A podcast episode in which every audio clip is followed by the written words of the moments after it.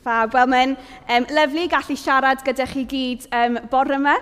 Um, fel y rai ohonych chi sydd wedi bod gyda ni dros um, y cwpl o misoedd diwetha, byddwch chi'n gwybod bod ni wedi mynd bod yn mynd trwy cyfres um, yn edrych ar y fywyd Elias, y proffoed, um, a gweld beth sydd gan yr hanes yna i wneud gyda ni heddiw, pa anegeitha a heriau um, mae'n cyflwyno i ni gyd heddiw, Ac os ydych chi wedi cyrraedd heddiw yn edrych ymlaen i clywed yr installment nesaf o'r cyfres, roi'n flin, dwi'n mynd i siomi chi oherwydd dyn ni ddim yn cael yr installment nesaf. Um, gan mod ti'n hanner tyma, um, dyn ni'n cael seibiant o oethnos o'r cyfres. Um, so dyn ni jyst yn cael one-off um, bore yma. Ond weithiau mae'n gallu bod yn dda i camu nôl um, o rhywbeth dyn ni wedi bod yn canolbwyntio ar. Um, I allu rhoi golwg ffres a newydd i ni um, pan dyn ni'n mynd yn ôl iddo. Um, so mae hynny yn um, ymarfer da mewn lot o pethau yn bywyd, ydy. um, so dyna beth dyn ni'n neud bore yma. So, dyn ni'n camu allan o'r hen testament a dyn ni'n mynd yr holl ffordd a cyrraedd yr testament yn newydd ac yn glanio yn un o lythyrau'r testament newydd. So, dyna lle dyn ni'n mynd i fod yn edrych bore yma. Gan i cwestiwn bach i chi. Pryd oedd y tro diwetha i chi derbyn neu anfon llythyr? Dim sôn am llythyrau bil neu gan cwmnïau neu unrhyw beth fel yna, ond sôn am llythyr wedi sgwennu gyda llaw. Pryd oedd y tro diwetha i chi gwneud? Dwi ddim yn cofio tro diwetha i, i fi. Um, achos yn y cymdeithas heddiw, mae cyfarthrebu yn rhywbeth mor sydyn, mor instant dydy. Mae gyda ni text e-bost, um, galwad a ffôn, cyfryngau cymdeithasol, mae gyd yn gallu bod mor instant.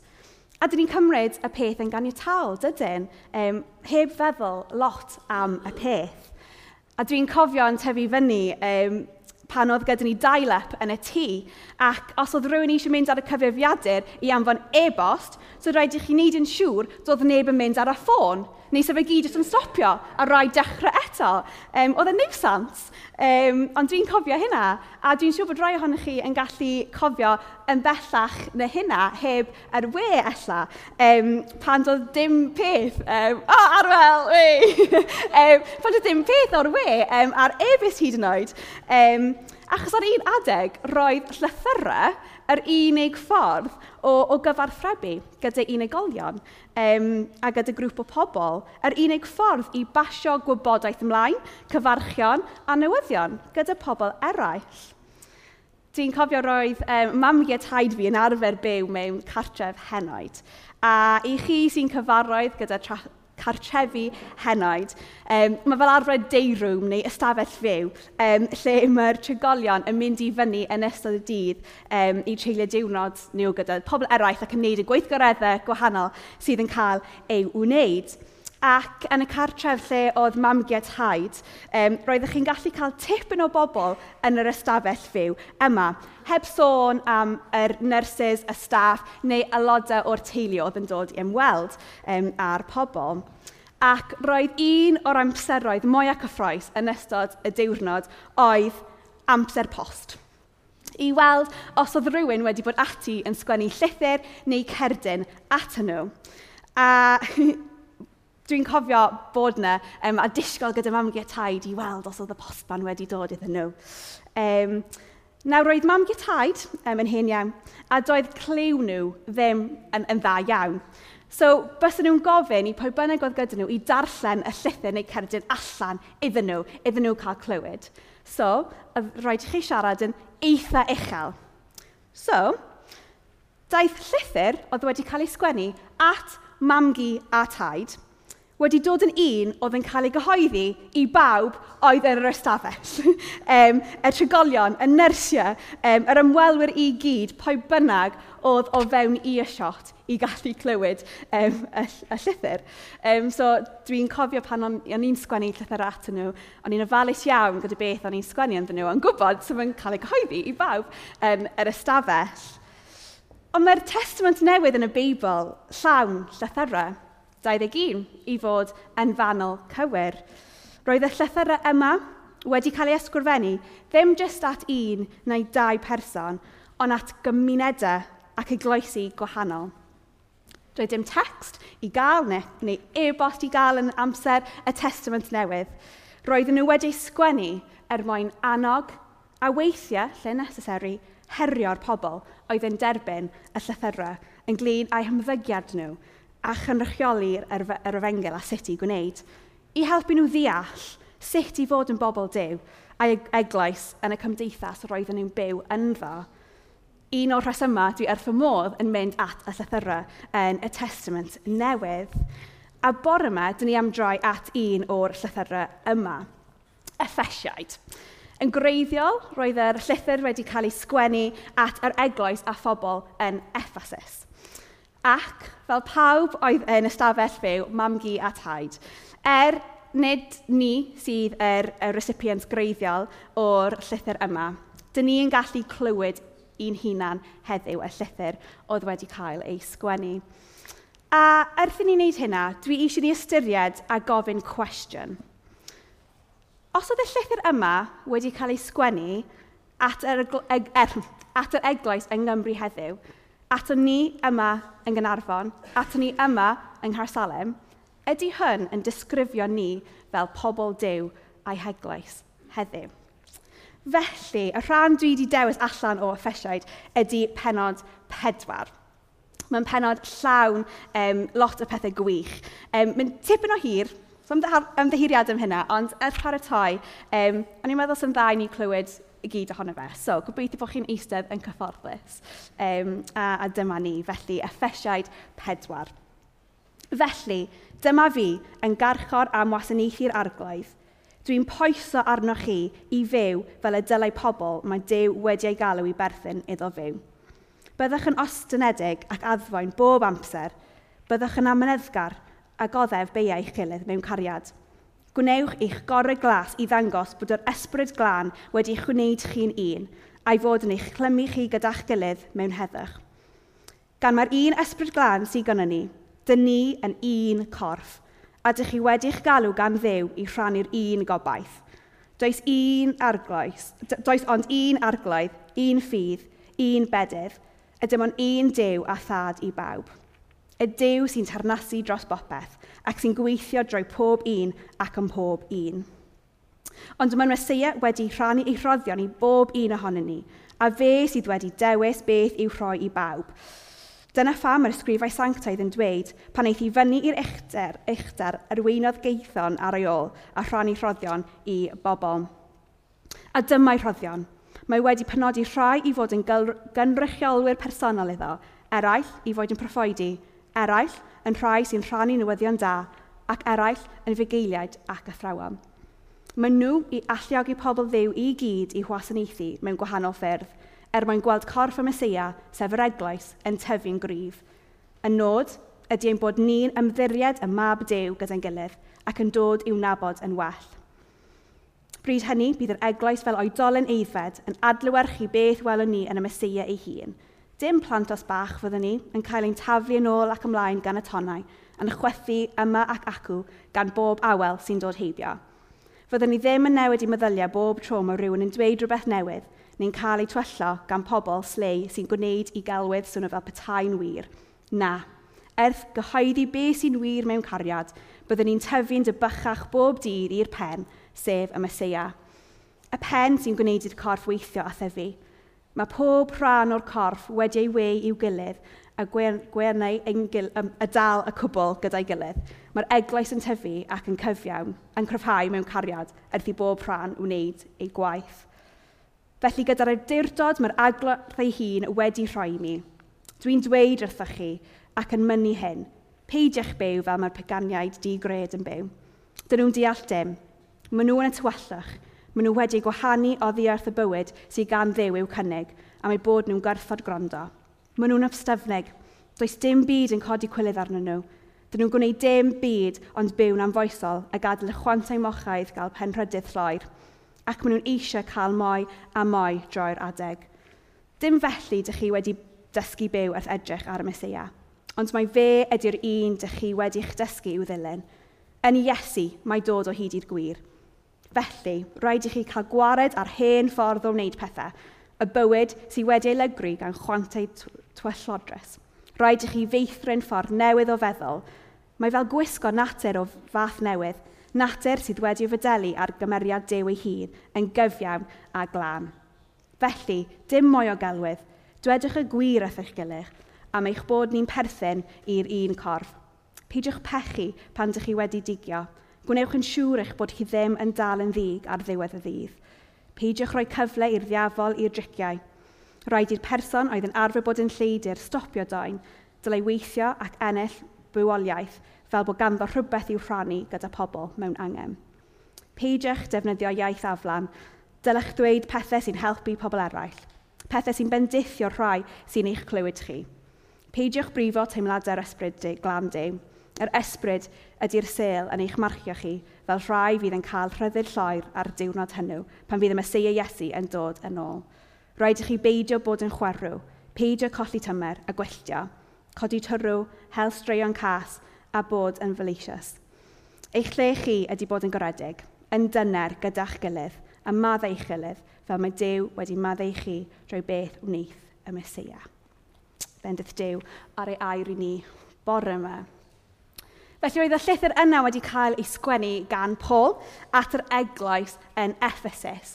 Oedd e wedi bod gyda nhw um, am dros doi flynedd, felly roedd yn adnabod nhw yn eitha da. Ac mae'r llythyr yma wedi cael ei rhannu mewn dau rhan. Yr rhannau gyntaf o'r llythyr yn esbonio ac ei hangi'r stori o'r efengel a'r newyddion da, iddyn nhw fel pobl dew yn dweud dyma ydy'r newyddion da. Ac wedyn mae'r ail hanner yn droi i esbonio sut roedden nhw fod i ymateb iddo fe. Os oedd y newyddion dda mor dda a traws newidiol a hynna, dyma sut dyla'r traws newid edrych fel. A bore yma, dwi eisiau ni edrych ar tri peth allan o'r ail hanner yna, o'r penod pedwar. A'r peth gyntaf, dyn ni'n gweld o adnodau 3 a 4, sy'n dweud hyn – Gwnewch eich gorau glas i ddangos bod yr ysbryd glân wedi'ch gwneud chi'n un, a'i fod yn eich clymu chi gyda'ch gilydd mewn heddwch. Gan mae'r ysbryd glân sydd gynnon ni, dyn ni un corff. Ydych chi wedi'ch galw gan ddew i rhannu'r un gobaith. Yn cael ein trawsffurfio gan yr efengel, gan Iesu Grist, yn golygu bod ni wedi dod yn rhan o'r un corff. Mae yna undod ymhlith ei pobl. Gall hyn ella swnio fel rhywbeth rhyfedd, um, ond actually, mae'n rhywbeth hardd iawn. Yn union fel mae cefnogwyr chwaraeon, um, tîm y chwaraeon, yn unedig trwy cefnogaeth o'r tîm penodol, dy ni, fel pobl dew, yn unedig trwy Iesu Grist, ei gariad tuag ato ni a'i arberth ar y groes drostom ni. Ac oherwydd hynna i gyd, dyn ni wedi cael ein huno gyda'n gilydd, wedi dod yn rhan o'r un corff, yr un teulu, yr un eglwys. Dydyn ni ddim ar ben ein hunan. Mae gyda ni pobl o'n gwmpas ni i gerdded gyda ni, i fod gyda ni pob cam o'r ffordd, i annog ein gilydd, i herio ein gilydd, i garu ein gilydd, i gario beichiau ein gilydd, i fod fwy fel Iesu Grist, sef pen y corff. Ond fan hyn, mae'n boesig i ni gofio rhywbeth. Dydy undod ddim yn golygu unffurfiaeth. Unity is not... O, beth ydy'r gair yn Saesneg? Uniform, diolch, uniformity. Unity is not uniformity. Dydy dod yn Gristion ddim yn gwneud ni gyd yn union yr un fath. Dyn ni ddim yn dod allan o rhyw masin i gyd yn edrych ar un peth ac yn gwneud yr un pethau. Dyn ni gyd yn wahanol. Dyn ni gyd wedi cael ein creu gyda'r um, gyda personoliaethau gwahanol, gyda diddordebau gwahanol, wedi'n creu yn berffaith gan ddew yn y ffordd yna, a clod i ddew am hynna. Yn edrych allan bore yma i weld pwy sydd gyda ni, mae gyda ni lot o bobl gwahanol, gyda diddordebau gwahanol, sgiliau gwahanol, Ac ella, mewn bywyd, dyn ni ddim fel arfer yn treulio amser gyda pobl fel hyn, um, mor wahanol i ni.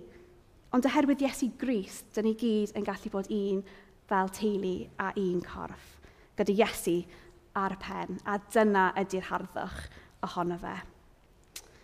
A wedyn, dyn ni gweld yn bellach troi'r ail peth o'r penod yma – Oherwydd ein hyndod, dyn ni gyda rholau gwahanol i chwarae fel rhan o'r corff. Just fel mae'r corff yn un, mae wedi'i gwneud o rhannau gwahanol, dydy? Sy'n gwneud jobs wahanol, ond gyd yn gwneud yr un corff. Ond mae pob un o'r pethau yna yn cydweithio er mwyn i'r corff weithredu. Wel, allech chi'n meddwl sut?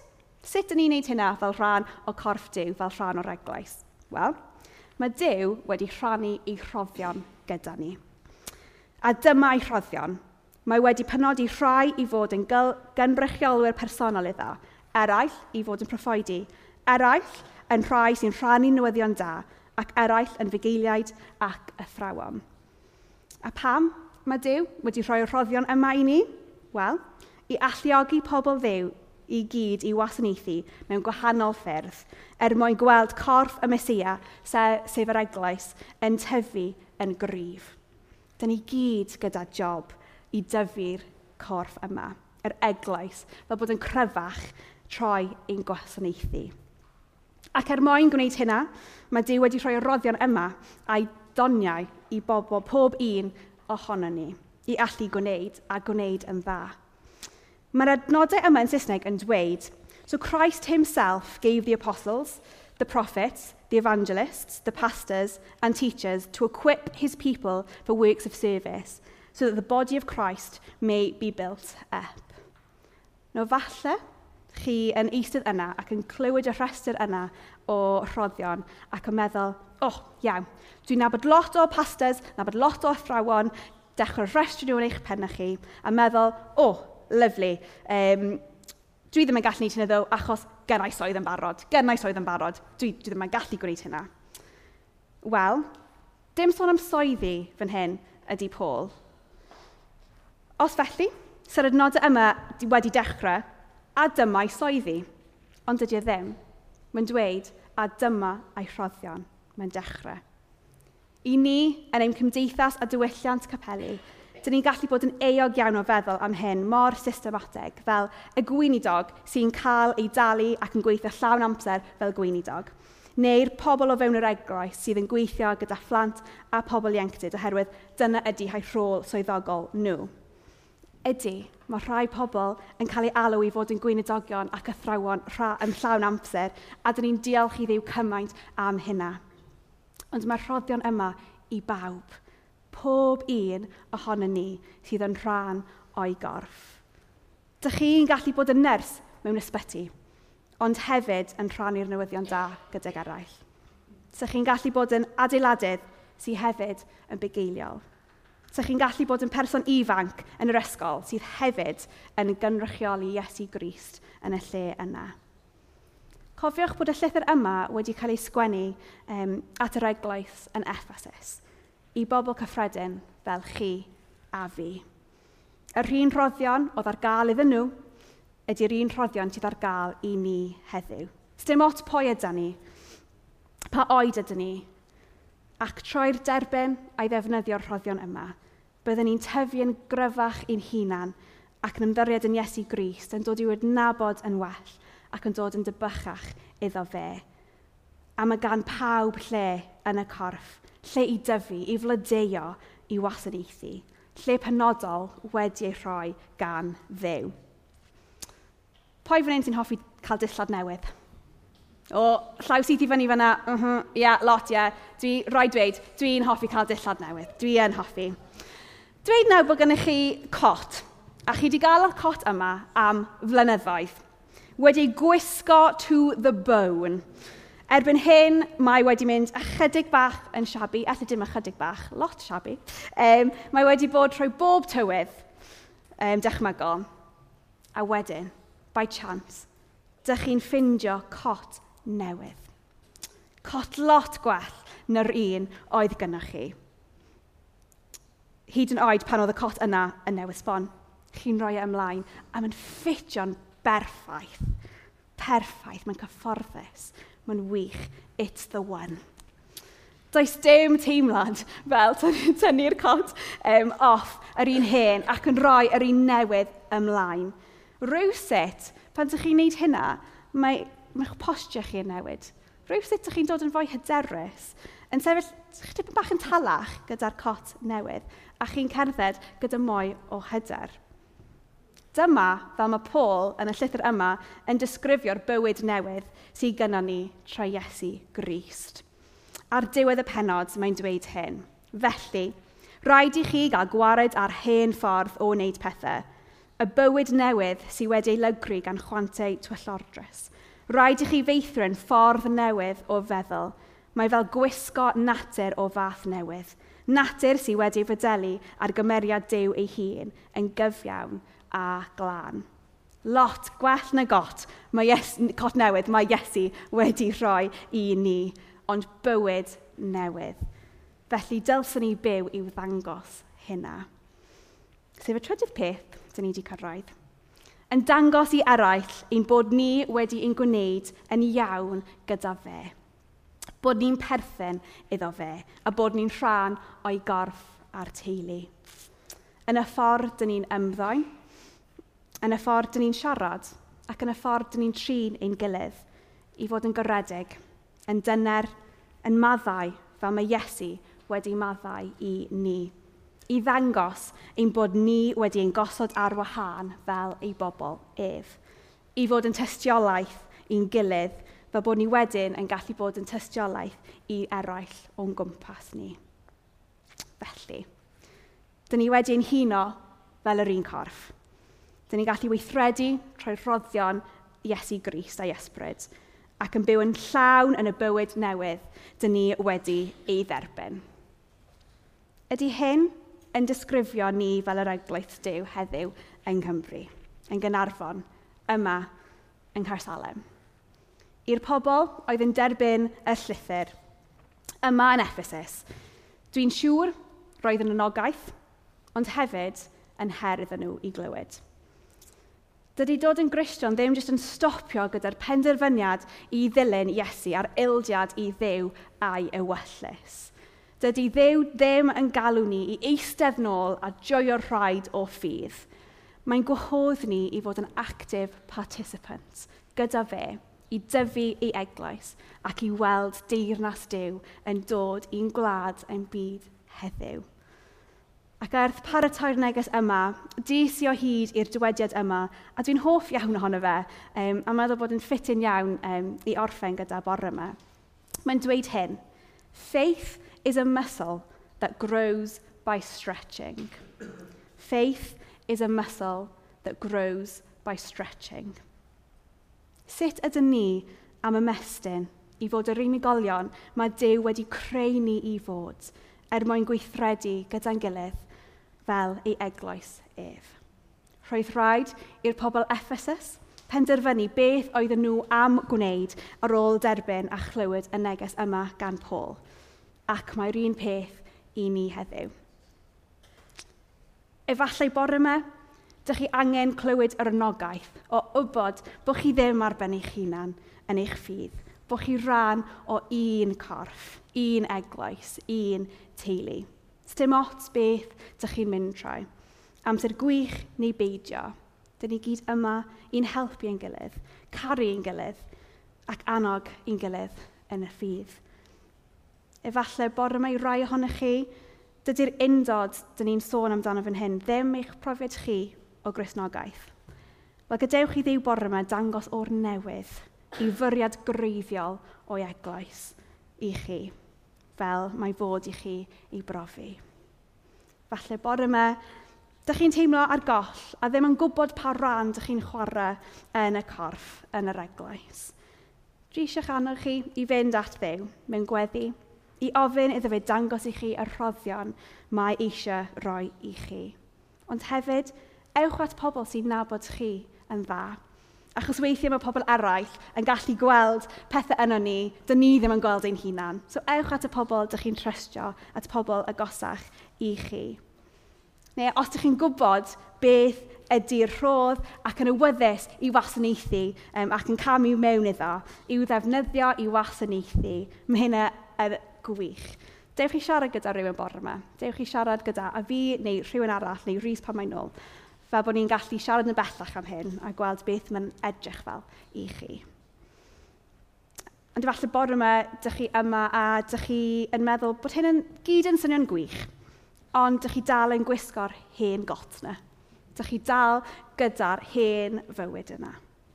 Wel, bore yma, mae'n newyddion da oherwydd bod nhw'n gwahoddiad i chi cael gwared o'r hen ffordd a cael y bywyd newydd i'w rhoi arnoch chi i droi at ddew yn edifeirol, yn barod iddo fe rhoi gwisg newydd o fywyd newydd i chi, oherwydd aberth Iesu Grist ar y croes. Gyd dyn ni angen gwneud ydy troi ato fe. Felly dewch i ni jyst troi um, mewn gweddi i ddew, jyst mewn ymateb i beth ni wedi clywed bore yma. Dewch i ni gweddio. O arglaidd, diolch, um, diolch am pwy o'i ti. Diolch bod ti'n dew mor hael um, a dew mor dda. Diolch am y ffordd ti'n siarad gyda ni mewn ffyrdd gwahanol. A dyn ni'n dod at y ti nawr, Dyw, mewn ymateb i'r hyn ti wedi bod yn siarad gyda ni ynglyn â bore yma. Dyn ni jyst yn cael amser i dywelu'n hun yn o'r flan di, gyda'r hyn sydd ar ein calon ni. Yn gyda'r cwestiwn yna, ydy hyn yn disgrifio ni fel pobl Dyw? ei eglwys heddiw. Jyst cael bach o amser dawel i chi cael, cael ymateb. O ddew, diolch am defengel. Diolch am y newyddion da o'r efengel. A diolch bod e ddim jyst yn, yn geiriau um, ar y darn o bapur. Ond diolch bod e'n rhywbeth real a pwerus i ni heddiw. Diolch bod e gyda'r grym i newid bywydau a transffurfio ni hyd yn oed heddiw, lle bynnag gyda ni. Diolch, diolch am fond y fab. Iesu Gris i'r byd i wneud yn bosib i cael y bywyd newydd um, sydd yno ti ac yn bod rhan o'r teulu o dy gorff di. Diolch bod y llwybr o ffi ddim yn un sydd yn unig, ond un dyn ni'n cerdded gyda'n gilydd. Gyda'n bro brodyr a chwiorydd yn y ffydd a'r glaidd helpu ni gyd chwarae ein rhannu um, yn y corff. Jyst i, i cryfhau y corff, i dod i dynabod i'n well a gallu adlywyrchu ti i rhai sydd o'n gwmpas. A'r glaidd wneud i parhau i weithio yna ni, i dangos ni ein lle ni fel rhan o dy gorff di.